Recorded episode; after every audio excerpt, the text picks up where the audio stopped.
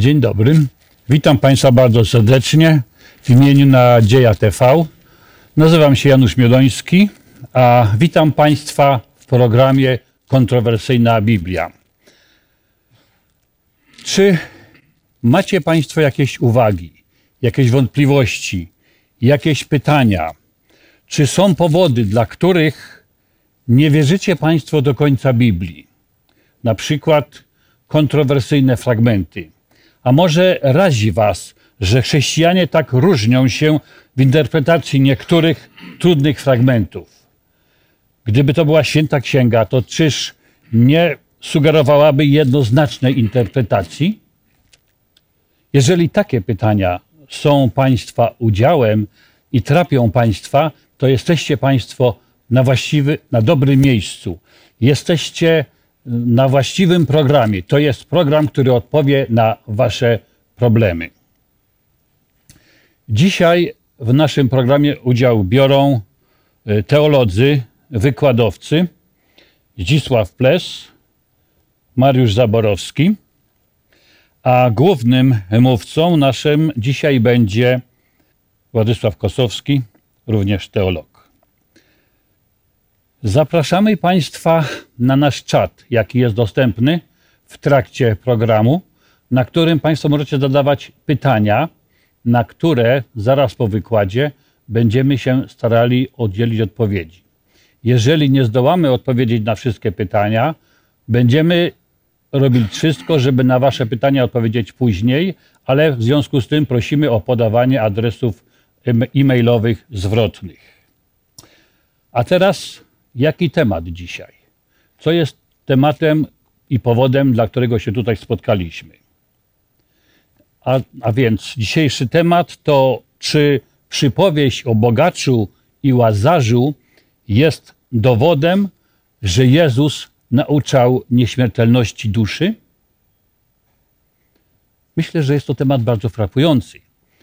I w naszym dzisiejszym stanie społecznym, jakim jesteśmy w naszym kraju szczególnie, temat bardzo aktualny i żywy. I wielu ludzi być może twierdząco by chciało na ten temat odpowiedzieć. Ale czy jest to dobra odpowiedź? To myślę, dzisiaj się na ten temat co nieco albo nawet bardzo dużo dowiemy. Zatem zapraszam w tej chwili do wykładu naszego mówcę, pastora Władysława Kosowskiego. Witam bardzo serdecznie i cieszę się z tego powodu, że mogę wziąć udział w tym programie. E, Bogacz i Łazarz. Znana na ogół w chrześcijaństwie przypowieść, podobieństwo, które Jezus Chrystus w swoim czasie przekazał swoim naśladowcom. A więc, czy ta przypowieść o bogaczu i łazarzu dowodzi istnienia nieśmiertelnej duszy? Czy Jezus Chrystus nauczał o nieśmiertelności duszy? Nauka o stanie człowieka po śmierci, podobnie jak każda inna prawda i nauka Pisma Świętego, nauka zasad wiary, opiera się na wyraźnej i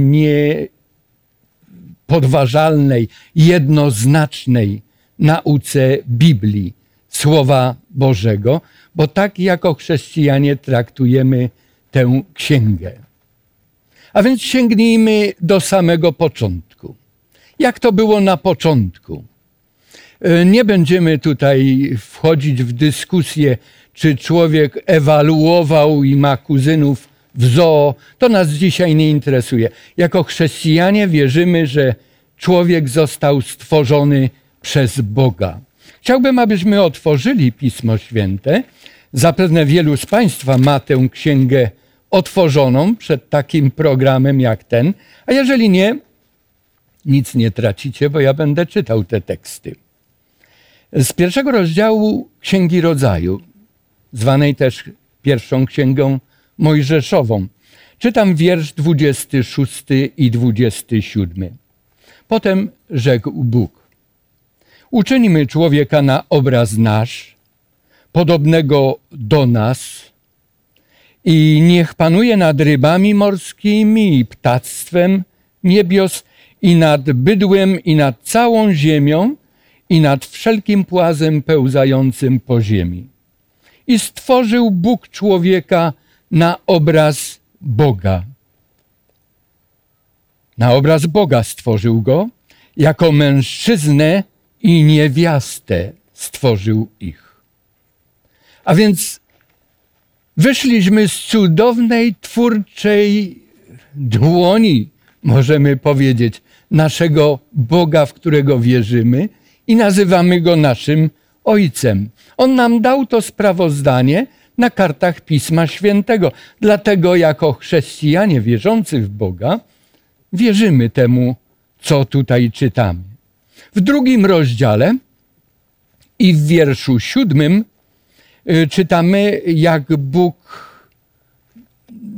uczynił tego człowieka, y, jakie czynności podjął, jak to wyglądało. Drugi rozdział i wiersz siódmy tej samej księgi rodzaju. Ukształtował Pan Bóg człowieka z prochu ziemi i tchnął w nozdrza jego dech życia. Wtedy stał się człowiek istotą żywą, istotą żyjącą. Po hebrajsku nefesh haya. A więc połączenie prochu ziemi, połączenie ciała człowieka z ożywczym tchnieniem Boga powodowało, że człowiek staje się tą istotą żywą. Starsze przekłady Pisma Świętego w tym miejscu w języku polskim nam przekazują tekst i stał się człowiek duszą żyjącą.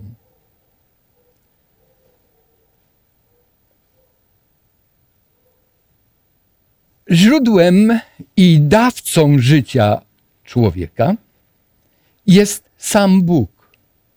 I to życie jest uzależnione od ścisłej relacji z tym Bogiem Stworzycielem. Gdy, przepraszam bardzo, będę trochę przeszkadzał dzisiaj moim kaszlem, ale może mi to wybaczycie, a jeżeli nie, no to to i tak będzie tak, jak będzie. W drugim rozdziale tej samej księgi rodzaju, w wierszu 17, Bóg zwraca się do człowieka i ostrzega go przed niebezpieczeństwem utraty życia. Z drzewa do, poznania dobra i zła nie wolno ci jeść bo gdy tylko zjesz z niego, na pewno umrzesz. Przed czym Bóg ostrzega? Dalsza historia w trzecim rozdziale mówi nam o tym, że Bóg ma swego adwersarza, który wszędzie, gdy Bóg, gdzie Bóg działa, stara się być również blisko. Przeszkadzać w tej pracy przeszkadzać istotom przez Boga stworzonym. Y, oryginał tego y, tekstu 17 w końcówce tłumaczony jako na pewno umrzesz,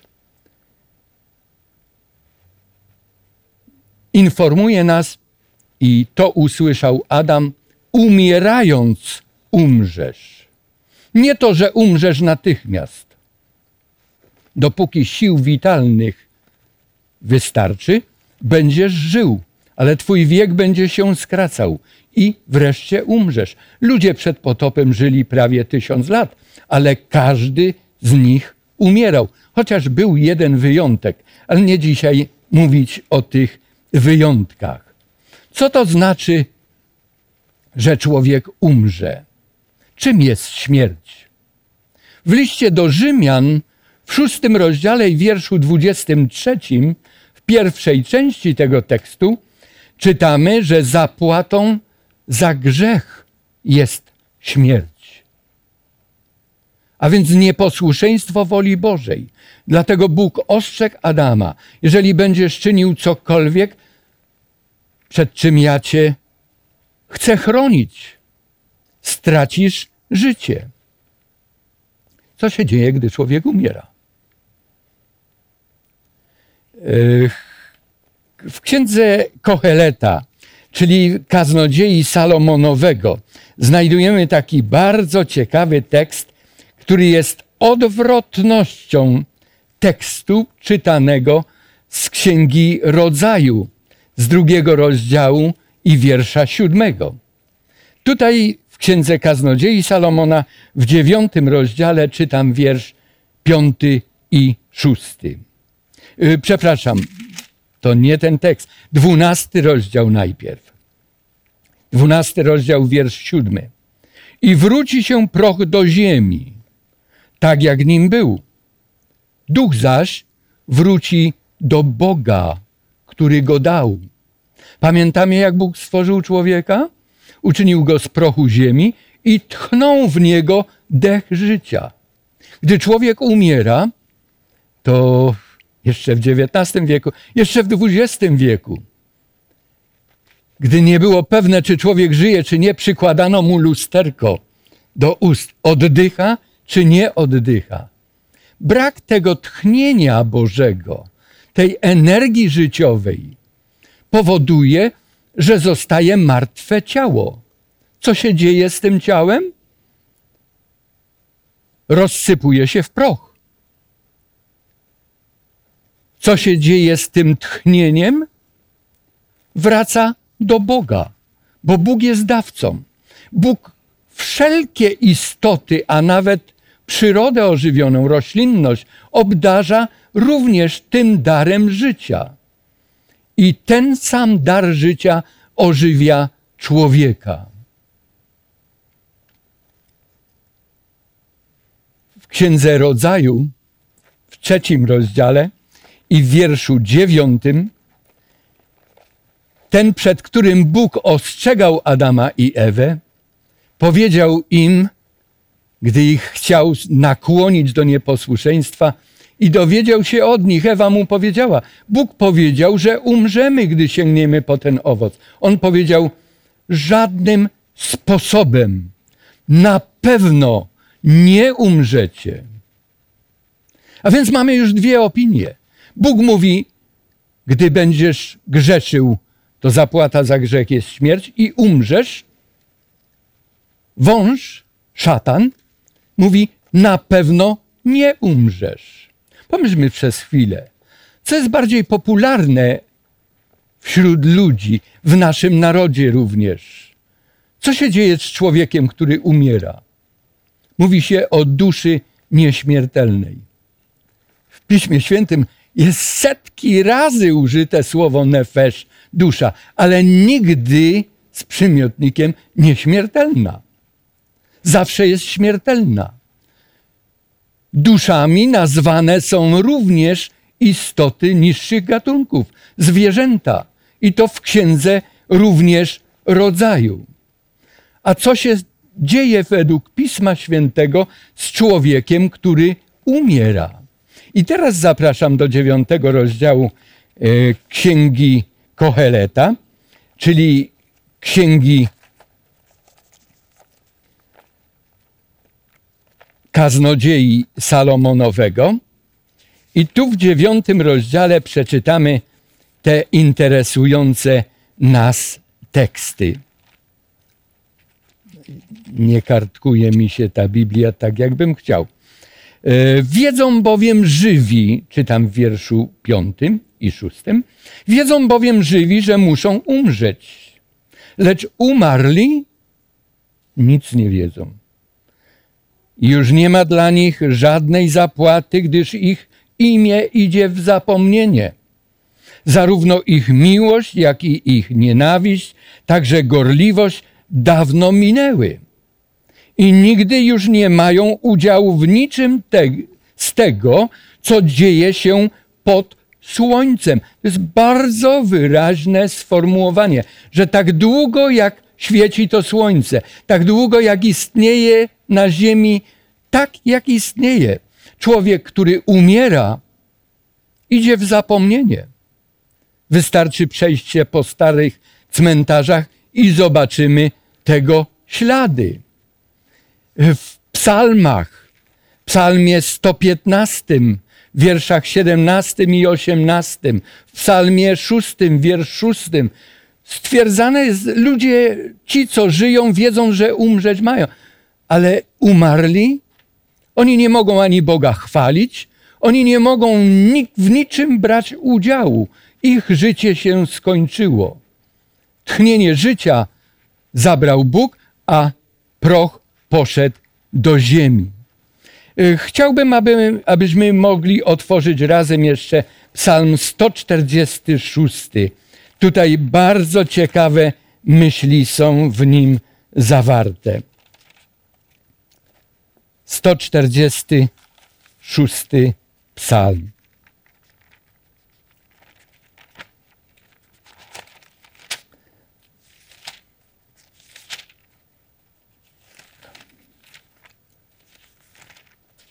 Bardzo przepraszam za, za ten poślizg czasowy.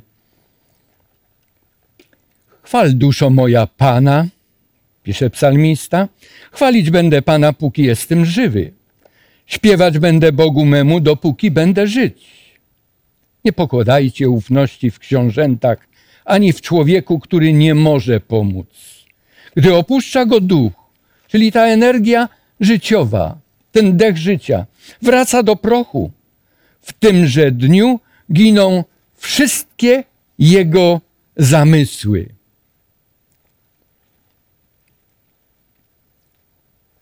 W księdze Ioba, w księdze poświęconej temu człowiekowi, który tak wiele ucierpiał tutaj na tej ziemi, w czternastym rozdziale czytamy takie słowa. Człowiek urodzony z niewiasty, czytam już pierwszy wiersz, żyje krótko i jest pełen niepokoju. Wyrasta jak kwiat, więdnie, a później ucieka jak cień i nie ostaje się. Wiersz dziesiąty. Gdy człowiek skona, leży bezwładny. I gdy wyzionie ducha, gdzie jest potem? To są pytania, które nas intrygują. Jak ubywa wód z morza, jak strumień opada i wysycha, tak człowiek, gdy się położy, nie wstanie, dopóki niebo nie przeminie, nie ocuci się i nie obudzi się ze swego snu. Bo ten sam Job wyraża taką nadzieję w dziewiętnastym rozdziale. Ja wiem, że odkupiciel mój żyje, to jest wiersz 25. i jako ostatni nad prochem moim stanie. A potem, a potem chociaż skóra moja jest tak poszarpana, uwolniony od swego obecnego ciała, będę oglądał Boga. Tak, ja sam go ujrzę i moje oczy zobaczą go, nie kto inny. A więc ktoś powiedział, że w Starym Testamencie myśl zmartwychwstania jest zupełnie nieznana. Jest. Wierzący, którzy umierali w Starym Testamencie, umierali w tej nadziei. Tak, jak to napisał tutaj Job. Zastanówmy się, bo tytuł nasz powoływał się na przypowieść o bogaczu i łazarzu. Czy zasada wiary, prawda Boża może być oparta na przypowieści, alegorii, na podobieństwie? Nie, prawda zawsze opiera się na wyraźnym napisano, albo tak mówi Pan. Przyno, przenośnie alegorie, podobieństwa służą jako pomoc w przybliżeniu albo podkreśleniu, czy zilustrowaniu też jakiejś rzeczywistości, prawdy, ale nigdy nie stanowią jej sedna. Przykłady. Chrystus powiedział: Królestwo Boże podobne jest do gospodarza. I snuje dalej tę opowieść. Czy opowiada rzeczywistość, czy tylko porównuje i chce, aby słuchacze odebrali i wyciągnęli wnioski. Ja jestem krzewiem, krzewem winnym ja jestem oblubieńcem, który ma winnicę. Często kontekst sytuacyjny decyduje o doborze ilustracji. Jak jest z przypowieścią czy z podobieństwem o bogaczu i łazarzu? Czy Pan Jezus opisuje rzeczywiste doświadczenie dwóch osób, bogacza i żebraka, czy też ilustruje jakąś prawdę, którą chce przekazać swoim słuchaczom? Przeczytajmy ten tekst.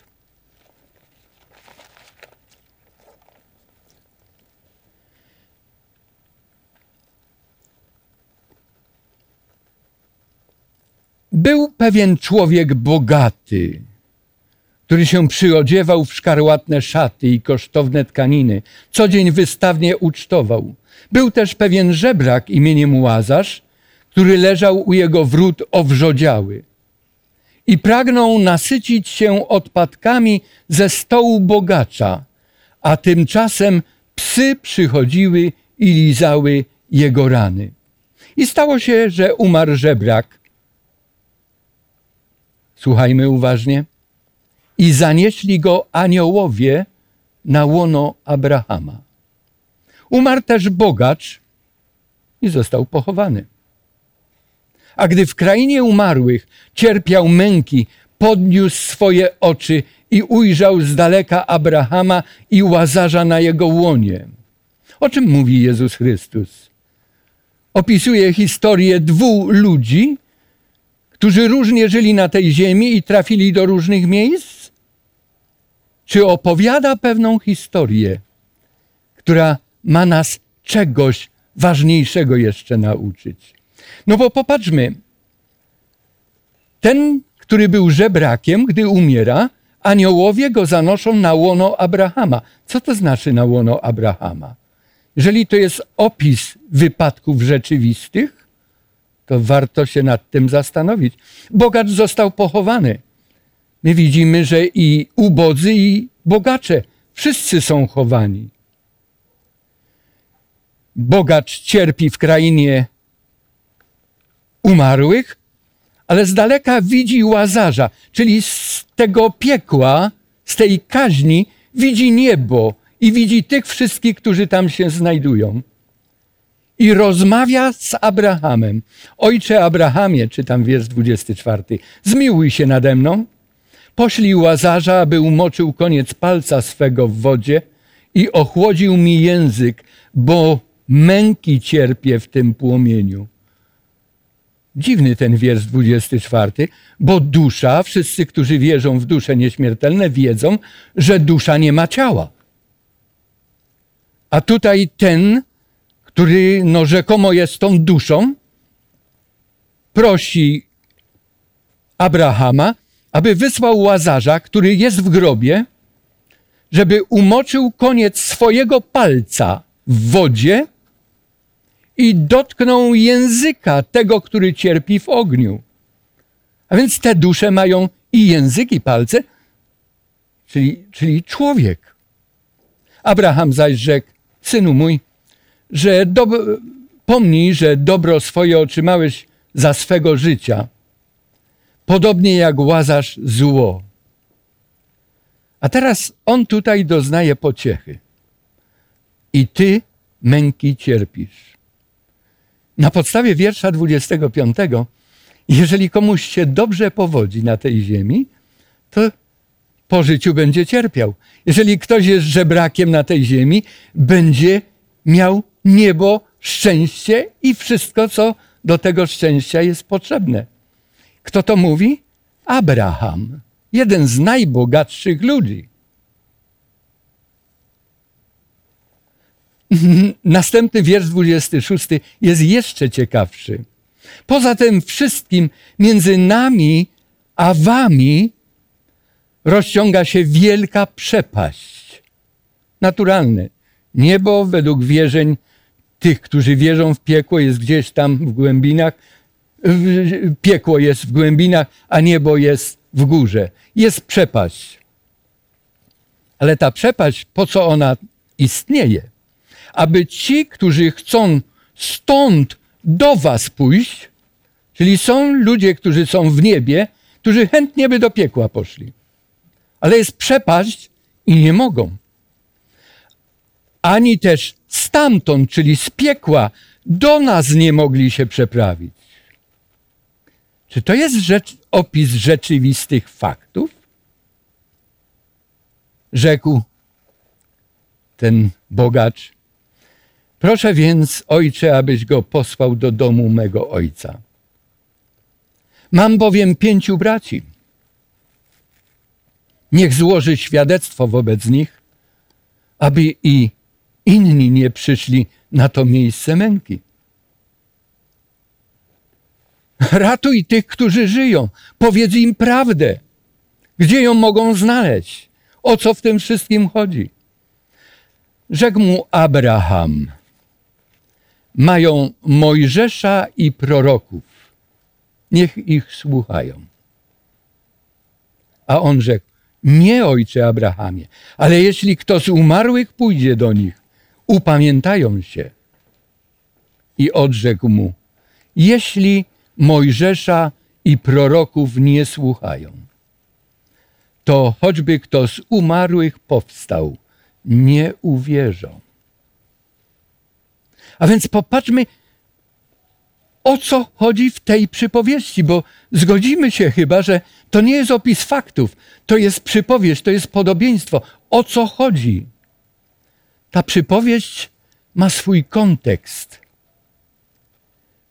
W jakim kontekście sytuacyjnym był Jezus i jego słuchacze, gdy opowiedział tę historię o bogaczu i o łazarzu? Kilka spostrzeżeń. W piętnastym rozdziale Ewangelii Łukasza, w pierwszych dwóch tekstach czytamy, że faryzeusze bardzo ostro krytykowali Jezusa za jego stałe kontakty, za jego spotkania z celnikami i grzesznikami. Reagując na to, Jezus, chcąc zwrócić też uwagę swoich słuchaczy na wielką miłość i troskę Boga Ojca o każdego, kto potrzebuje zbawienia, opowiada im trzy podobieństwa. Pierwsze to jest o zgubionej owcy. 15 rozdział, wiersze trzeci do siódmego. Znamy tę przypowieść. Było sto owiec w zagrodzie, jedna zginęła. Pasterz zostawia te w bezpiecznym miejscu i idzie szukać i szuka, aż znajduje. O zgubionym groszu. Niewiasta ma dziesięć monet, jedna zginęła. To było bardzo ważne w owym czasie, aby niewiasta zamężna nie zgubiła ani jednej z monet, która, które przyjęła wtedy, gdy wychodziła za mąż. I znajduje ją, i znowu jest wielka radość. I Chrystus opowiada trzecią przypowieść o marnotrawnym synu. Dwóch młodych ludzi mieszka w domu z ojcem jeden decyduje się opuścić dom ojca. Po pewnym czasie, po poniewierce, po poniżeniach, decyduje się na powrót i znowu jest wielka radość. I Chrystus mówi: Tak wielka radość jest w niebie nad jednym człowiekiem, który się upamięta. Dalej Chrystus mówi uczniom jeszcze o potrzebie całkowitego poświęcenia się sprawom Boga. Mówi im o nieuczciwym zarządcy wezwanym do rozrachunku zarządzania majątkiem swego pana i udziela rad w sprawach szafarstwa oraz wierności jednemu panu, na którego trzeba się zdecydować. Jezus gani faryzeuszy za ich obłudę, pozoranstwo, pychę, wywyższanie się ponad innych ludzi, siebie uważają za uczonych, uświadomionych, blisko Boga, służących Bogu. Pamiętacie tego faryzeusza i celnika w świątyni? Dziękuję Ci Boże, że nie jestem taki jak inni ludzie, albo ten tutaj celnik. W takim kontekście Jezus wypowiada przypowieść o bogaczu i o łazarzu. Jaki jest cel? Właśnie w tych ostatnich wierszach tej przypowieści, która już jest w szesnastym rozdziale, czytaliśmy ją, jest e, ten cel bardzo wyraźnie wskazany.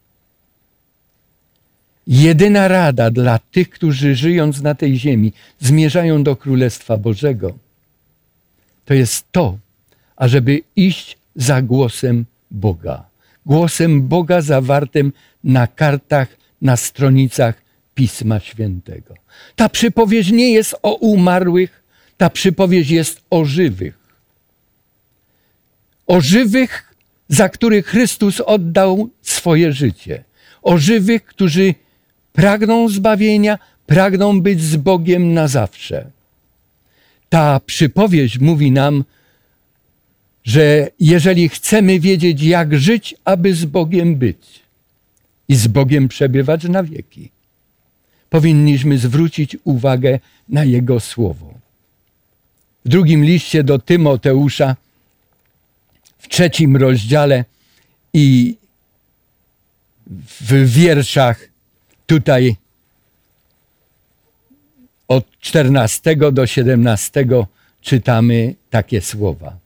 Ale ty trwaj w tym, czegoś cię nauczył i czego jesteś pewny, wiedząc od kogoś się tego nauczył.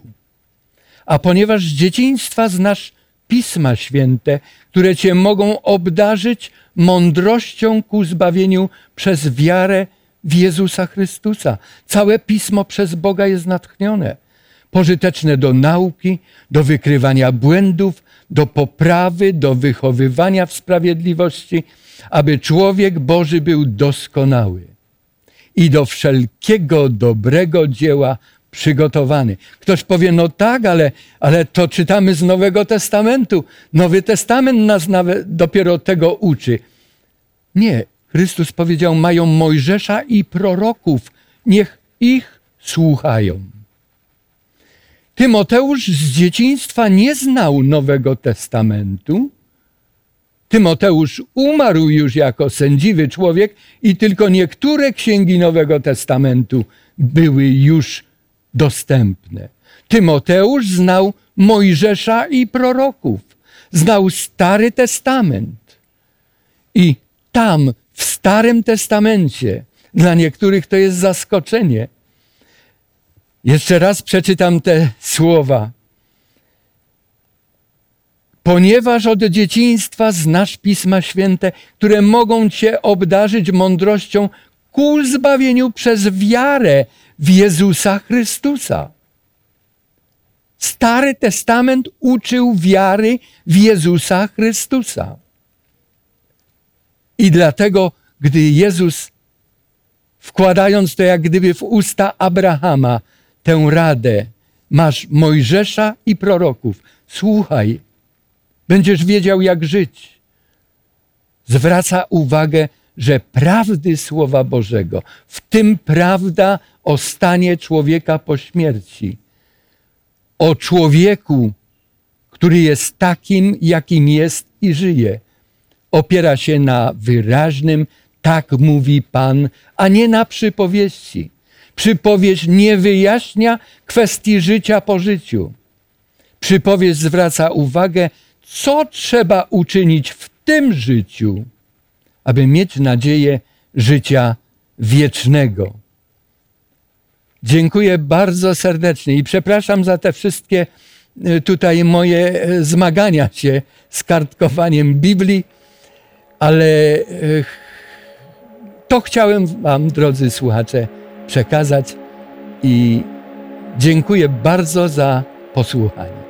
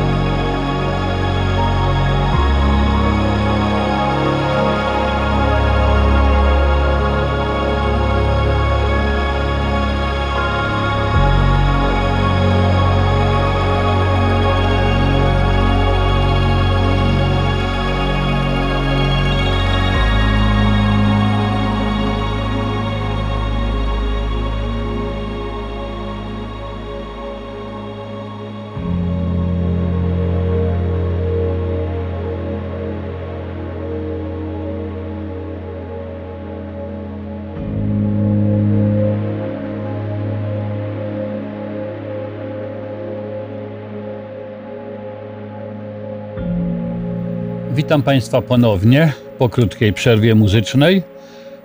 Dziękuję naszym słuchaczom za pytania, jakie się pojawiły na czacie. E, są tu różne pytania od kilku osób. Najpierw może byśmy chcieli zająć się pytaniami, które postawił nam słuchacz o imieniu Zbyszek. Mm, powołuje się tutaj pan Zbyszek na list do Filipian. Pierwszy rozdział 21-26. Albowiem dla mnie życiem jest Chrystus, a śmierć zyskiem, a jeśli życie w ciele umożliwi mi owocną pracę, to nie wiem, co wybrać. Albowiem jedno i drugie mnie pociąga. Pragnę rozstać się z życiem i być Chrystusem, bo to daleko lepiej, lecz z drugiej strony pozostać w ciele, to ze względu na was rzecz potrzebniejsza. A to wiem na pewno, że pozostanę przy życiu i będę z wami wszystkimi, abyście robili postępy i radowali się w wierze. Żebyście we mnie mieli powód do wielkiej chluby w Chrystusie Jezusie, gdy znowu do was przybędę. I pytanie. Czy Paweł rozumie przez to, że jak się rozstaniemy z życiem, to będziemy z Chrystusem?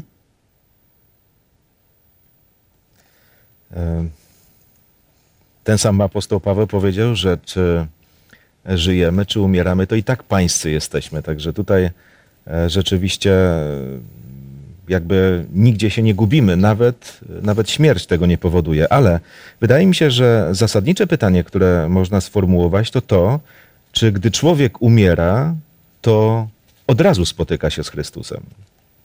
Bo przyjęcie mm, życia po śmierci, takiego naturalnego przejścia z jednego stanu życia w inny stan życia, ale już po śmierci, e, mogłoby tak właśnie sugerować. Otóż, kiedy czytamy ten urywek, e, apostoł Paweł nie mówi tak tutaj bezpośrednio, kiedy on się rzeczywiście spotka z Chrystusem.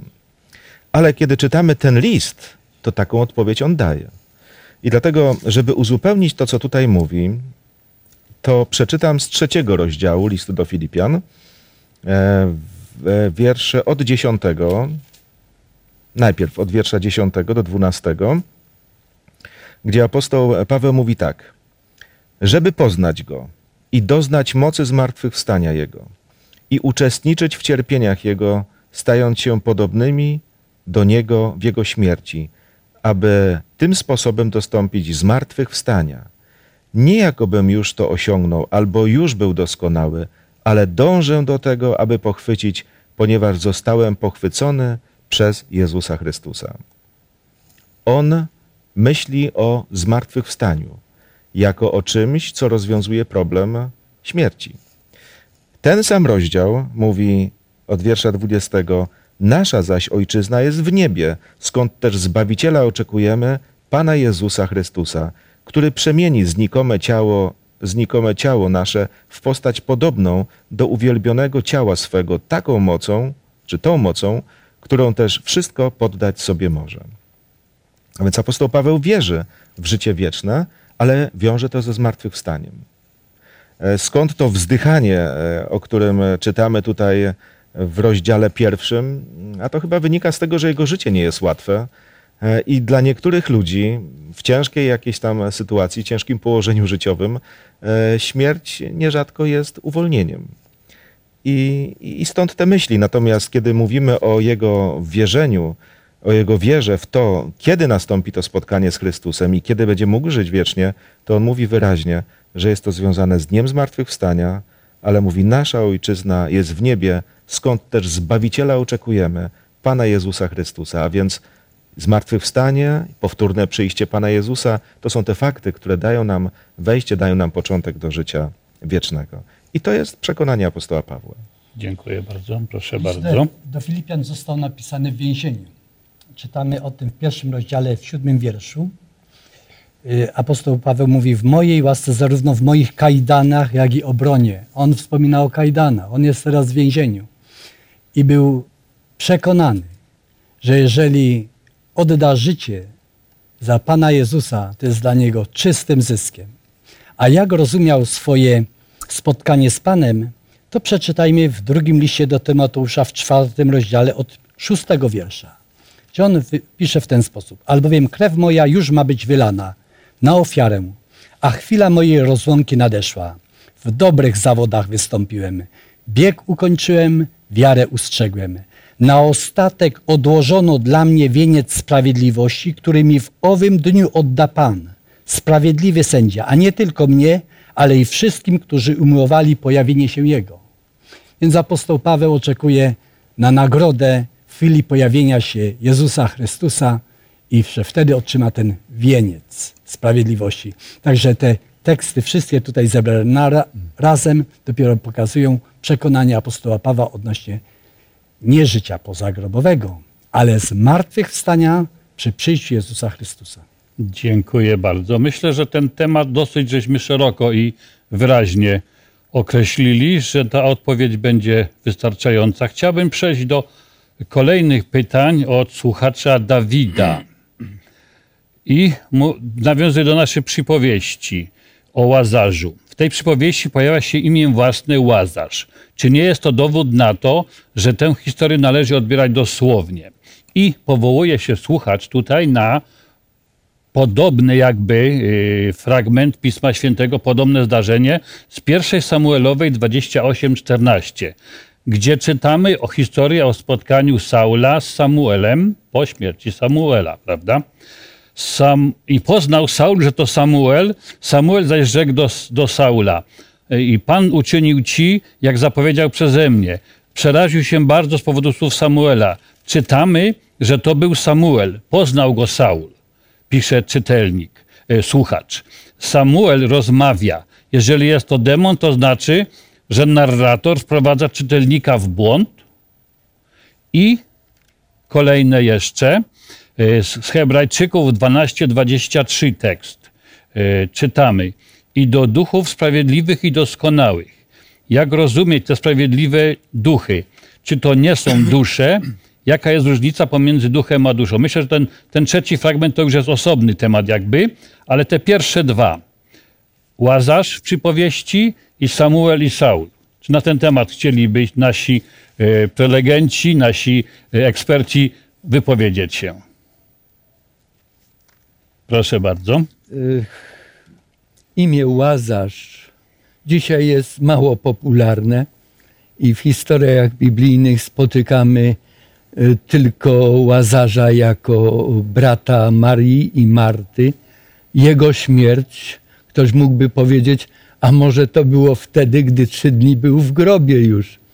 No ale y, Łazarz był w grobie, nie na łonie Abrahama. A więc nie można tamtej sceny przenieść na tę przypowieść. To są dwie różne przypowieści. Y, imię Łazarz, nie wiem jak popularne było, ale na pewno nie wyjątkowe w tamtych czasach. I jeżeli chodzi o porównanie tego doświadczenia y, z Łazarzem, tutaj z przypowieści, i z Saulem i y, Samuelem, to warto otworzyć pierwszą księgę Samuela, 28 rozdział, gdzie zresztą pytający zapewne zna cały ten rozdział. E, Saul najpierw niszczył wszystkich, którzy mm, starali się wprowadzić do Izraela praktyki, przed którymi już Mojżesz ostrzegał w Księdze Powtórzonego Prawa, że nie mogą takie osoby, które wywołują duchy i tak dalej, wieszczkowie znajdować się w narodzie. I gdy przychodzi do tej, y, do Endor, do tej wieszczki, e, to ona mu przypomina, nie wiedząc na początku, że to jest Saul. I mówi, przecież, przecież e, nie pamiętasz, co król zarządził? Ty chcesz mnie pozbawić życia? On mówi, nic ci nie grozi, powiedz mi. No i powiedziała mu. E, rzecz ciekawa, jeżeli jest to zbieżne z tamtą przypowieścią, która miałaby być opisem rzeczywistych faktów, to e, tutaj ta wieszczka mówi nam, że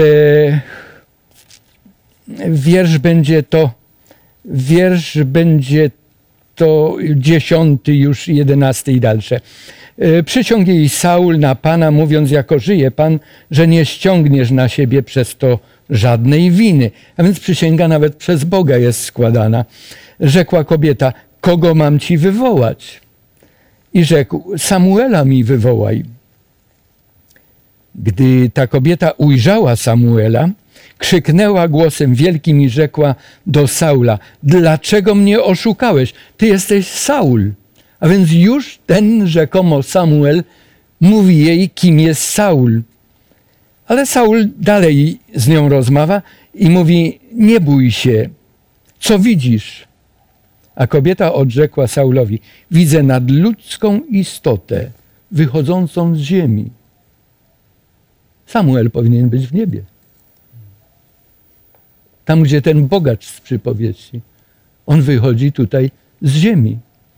E, Aby nie mieć wątpliwości, czy to nie było medium diabelskie, bo my wiemy, że e, podczas seansów spirytystycznych diabeł doskonale może podrobić wszystko i wygląd, i głos. E, Niektórzy mówią, ale skąd on zna tajemnice nasze? Ten zmarły przyszedł i mąż mi powiedział, znam taką kobietę, powiedział mi wszystko, co była naszą tajemnicą. Nie zapomnijmy o tym, że nawet gdy w najbardziej jakiejś e, zaklętej tej, tej, tej obietnicy, że nikt się o tym nie dowie, to zawsze jest z nami jeszcze ktoś. Są osoby, z którymi rozmawiamy i mamy tajemnicę. Jest Bóg, który to wie. Jest diabeł, który też to dokładnie śledzi. I on może podczas seansu to przypomnieć. Ja chciałbym, abyśmy przeczytali teraz z pierwszej księgi Kronik z dziesiątego rozdziału. Tam jest dalszy ciąg historii Saula, króla izraelskiego. Trzynasty wiersz. Tak zginął Saul z powodu swojej niewierności, jakiej się dopuścił wobec Pana, wbrew słowu Pana, którego nie przestrzegał. Zapytywał również o wyrocznie wieszczkę. Nie pytał o wyrocznie Pana, gdy on więc pozbawił go życia, władzę królewską przeniósł na Dawida. Konsekwencją tego była śmierć Saula, ale wyraźnie sprecyzowany był, był ten jej zarzut. On poszedł do ducha wieszczego, czyli do ducha diabelskiego, do wróżki.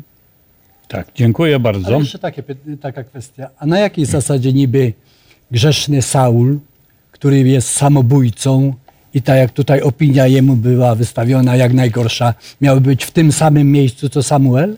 Jak się to ma do tej koncepcji życia pozagrobowego i podziału na sprawiedliwych, niesprawiedliwych? Tak, bo powiedział, będziesz tu ze mną. Może tak, Tak. sobie przekrzywali z nieba do, do piekła, jak Łazarz z Abrahamem, Ale prawda? w jednym jak z miejscu według Abrahamem. sprawiedliwości Bożej Nie, być oczywiście. by nie mogli. Oczywiście, proszę Państwa, sprawa staje się klarowna, myślę, że jak najbardziej. Mamy jeszcze dwa pytania słuchacza o pseudonimie. Ech, czy to możliwe, że Jezus okłamał apostołów i innych uczniów jednoznacznie, przekazując przypowieści o bogaczy Łazarzy naukę, że dusza żyje po śmierci ciała? Czy Jezus przekazał jednoznacznie taką naukę, to słuchaliśmy. Jednoznacznie Jezus przekazał zupełnie inną naukę. Nauka to było to, co na końcu wniosek jest i co było przez prelegenta naszego bardzo wyraźnie podkreślone. Ale mm, drugie pytanie tego słuchacza. e, Czytamy, że Kohelet na przykład powiedział, że umarli zapłaty też więcej już żadnej nie mają. Ale przecież apostoł Paweł przekazał, iż wszyscy bowiem musimy stanąć przed Trybunałem Chrystusa, aby każdy otrzymał zapłatę za uczynki dokonane w ciele, złe lub dobre. Czy Paweł również okłamał nas na kartach tego listu? To są ciekawe pytania. Czy Jezus nas okłamał? Czy Paweł również nas okłamał? To są ciekawe założenia, które rzeczywiście stawiają nas w sytuacji takiej, że e, no właśnie nic, tylko chyba trzeba się zgodzić, prawda? Albo i nie, albo i nie. Myślę, że to mogą być tylko takie prowoku- prowokujące nas, nas pytania. E, Natomiast rzeczywiście, kiedy patrzymy na to nauczanie Pana Jezusa i wykorzystanie tej przypowieści, to ciekawe jest to, że Pan Jezus tej przypowieści nie wymyślił o bogaczu i łazarzu. E, Współczesny Jezusowi Chrystusowi Józef Flawiusz e, opisuje taką rozmowę między rozmowę z Grekami o Hadesie. I przedstawia właściwie bardzo podobnie e, pewną, pewną naukę, e, powszechnie wtedy znaną, która mówiła o tym, że ludzie, którzy umierają i mają być zbawieni, idą przy oddźwiękach e, instrumentów z aniołami i są prowadzeni do świętego, wspaniałego miejsca, jakim jest niebo. No i oczywiście jest druga grupa ludzi, którzy wbrew sobie wręcz są przymuszani przez no, aniołów, którzy na siłę prowadzą ich do piekła, gdzie w zasadzie już mają zapowiedź i, i świadomość, nawet po odgłosach słyszą, co tam takiego strasznego jest. Mm, No i oczywiście wzbraniają się, ale muszą tam trafić. E, I w tej przypowieści między innymi mówi o tym łonie Abrahama, na które trafiają ludzie zbawieni. A więc to nie jest nauka wymyślona przez Pana Jezusa. To jest pewien przykład, znany ludziom. Tak. To jest Dobrze. historia, która wtedy jest powszechnie znana, którą Jezus wykorzystuje po to, żeby zilustrować potrzebę wykorzystania czasu za życia. Bo tylko wtedy mamy na to życie jakiś Dziękuję wpływ. bardzo. Ja wiem, że nasi eksperci jeszcze mieliby wiele tu do powiedzenia, ale ja na samym początku programu pe- popełniłem pewne forpa.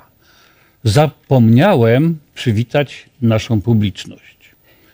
Yy, Wybaczycie mi to, mam nadzieję. I chciałem zapytać, czy macie może jakieś pytanie również wy w tej materii. Proszę Zbyszku. Zna, znajduję jeden tekst w Księdze Apokalipsy, który może rodzić pewne problemy. Jest on zapisany, już podaję, rozdział szósty i wiersz, tak, dziewiąty. I jest tam taka wypowiedź, która może jakby stwarzać pewne problemy. A gdy otworzyłem pieczęć piątą, ujrzałem pod ołtarzem dusze zabitych dla Słowa Bożego i dla świadectwa, jakie mieli. E, Dalej nie będę czytał. Chodziło mi o ten fragment, który mamy pod ołtarzem. Dowiadujemy się w innych miejscach, że ołtarz jest w niebie e, i tam są dusze.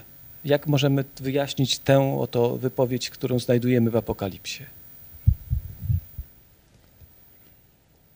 Proszę ja bardzo. zamiast y, koledzy będą mówili o duszach, chciałem nawiązać do poprzedniego pytania. Być może nie powiedziałem tego zbyt wyraźnie, ale cytując Koheleta, dziewiąty rozdział, zacytuję go jeszcze raz, wiersz szósty. Zarówno ich miłość, jak i nienawiść, a także ich gorliwość dawno minęły i nigdy już nie mają udziału w niczym z tego, co się dzieje pod słońcem, czyli tutaj już na tej ziemi. A więc to wyklucza nawet nam również starotestamentową historię z tą wieszczką, Saulem i Samuelem, prawda? Oni już nie mają tutaj żadnego działu. Ale co się dzieje pod słońcem?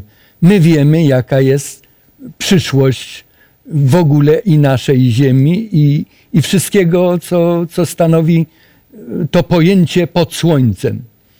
Zmartwychwstanie będzie przy powtórnym przyjściu Chrystusa, kiedy wszystko będzie zachwiane i to już nie będzie ten świat i ta rzeczywistość. Dziękuję bardzo. Natomiast jest jeszcze jedno pytanie, którym chciałbym zakończyć A dzisiejsze. jeszcze, jeszcze wisi to jedno. Aha, jeszcze, tak? No to proszę bardzo. Jeszcze nie było odpowiedzi na tamto pytanie. Zbyszka, tak? W zasadzie przygotowałem się jeszcze do tej kwestii dyskutowanej, czy Jezus Chrystus, no tak, bo Okłamał. Okłamał czy nie. Mhm. To zobaczmy na tą rozmowę o zmartwychwstaniu i o tej kobiecie, która miała tyle tych mężów. Tam nie pada pytanie, a po śmierci którego, e, którego żoną będzie, tylko jest taka wypowiedź. Otóż było ich siedmiu. Pierwszy wziął i wiadomo, poumierali. W końcu umarła ta kobieta. Przy zmartwychwstaniu więc którego z nich będzie żoną? I Pan Jezus, akceptując myśl rozmówcy swojego, mówi tak. Lecz ci, którzy uznani zostaną za godnych udziału w świecie przyszłym i w powstaniu zmarłych, ani się żenić, ani za mąż wychodzić nie będą. Więc świat przyszły łączy ze zmartwychwstaniem. Y, Dopiero jak ujmiemy wszystkie wypowiedzi Pana Jezusa Chrystusa w danej kwestii, to klarowny obraz się rysuje, jakie Pana Jezusa zdanie było. W przypowieści przytoczył pewną przypowieść, która tam funkcjonowała, ale gdy wypowiedział się konkretnie, to już odbywał się, to odwoływał się do przyszłego świata związanego ze zmartwychwstaniem. To jeszcze tak a propos e, tam. Czyli jeszcze nie doszliśmy do odpowiedzi do, na, na to pytanie Zbyszka. Tuż pod ołtarzem. Tak? Kto nam E, Mamy może... bardzo podobny tekst w Księdze Rodzaju, w czwartym rozdziale. I y, tutaj jest odnotowana rozmowa Boga z Kainem. Od wiersza dziewiątego.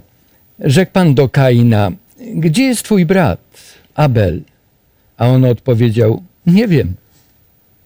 Czyż jestem stróżem brata mego? I rzekł, cóżeś to uczynił? Głos krwi brata Twego woła do mnie z ziemi. Krew bardzo często utożsamiana jest z duszą, tym tchnieniem. I, I w Piśmie Świętym tak jest tłumaczone to nefesz.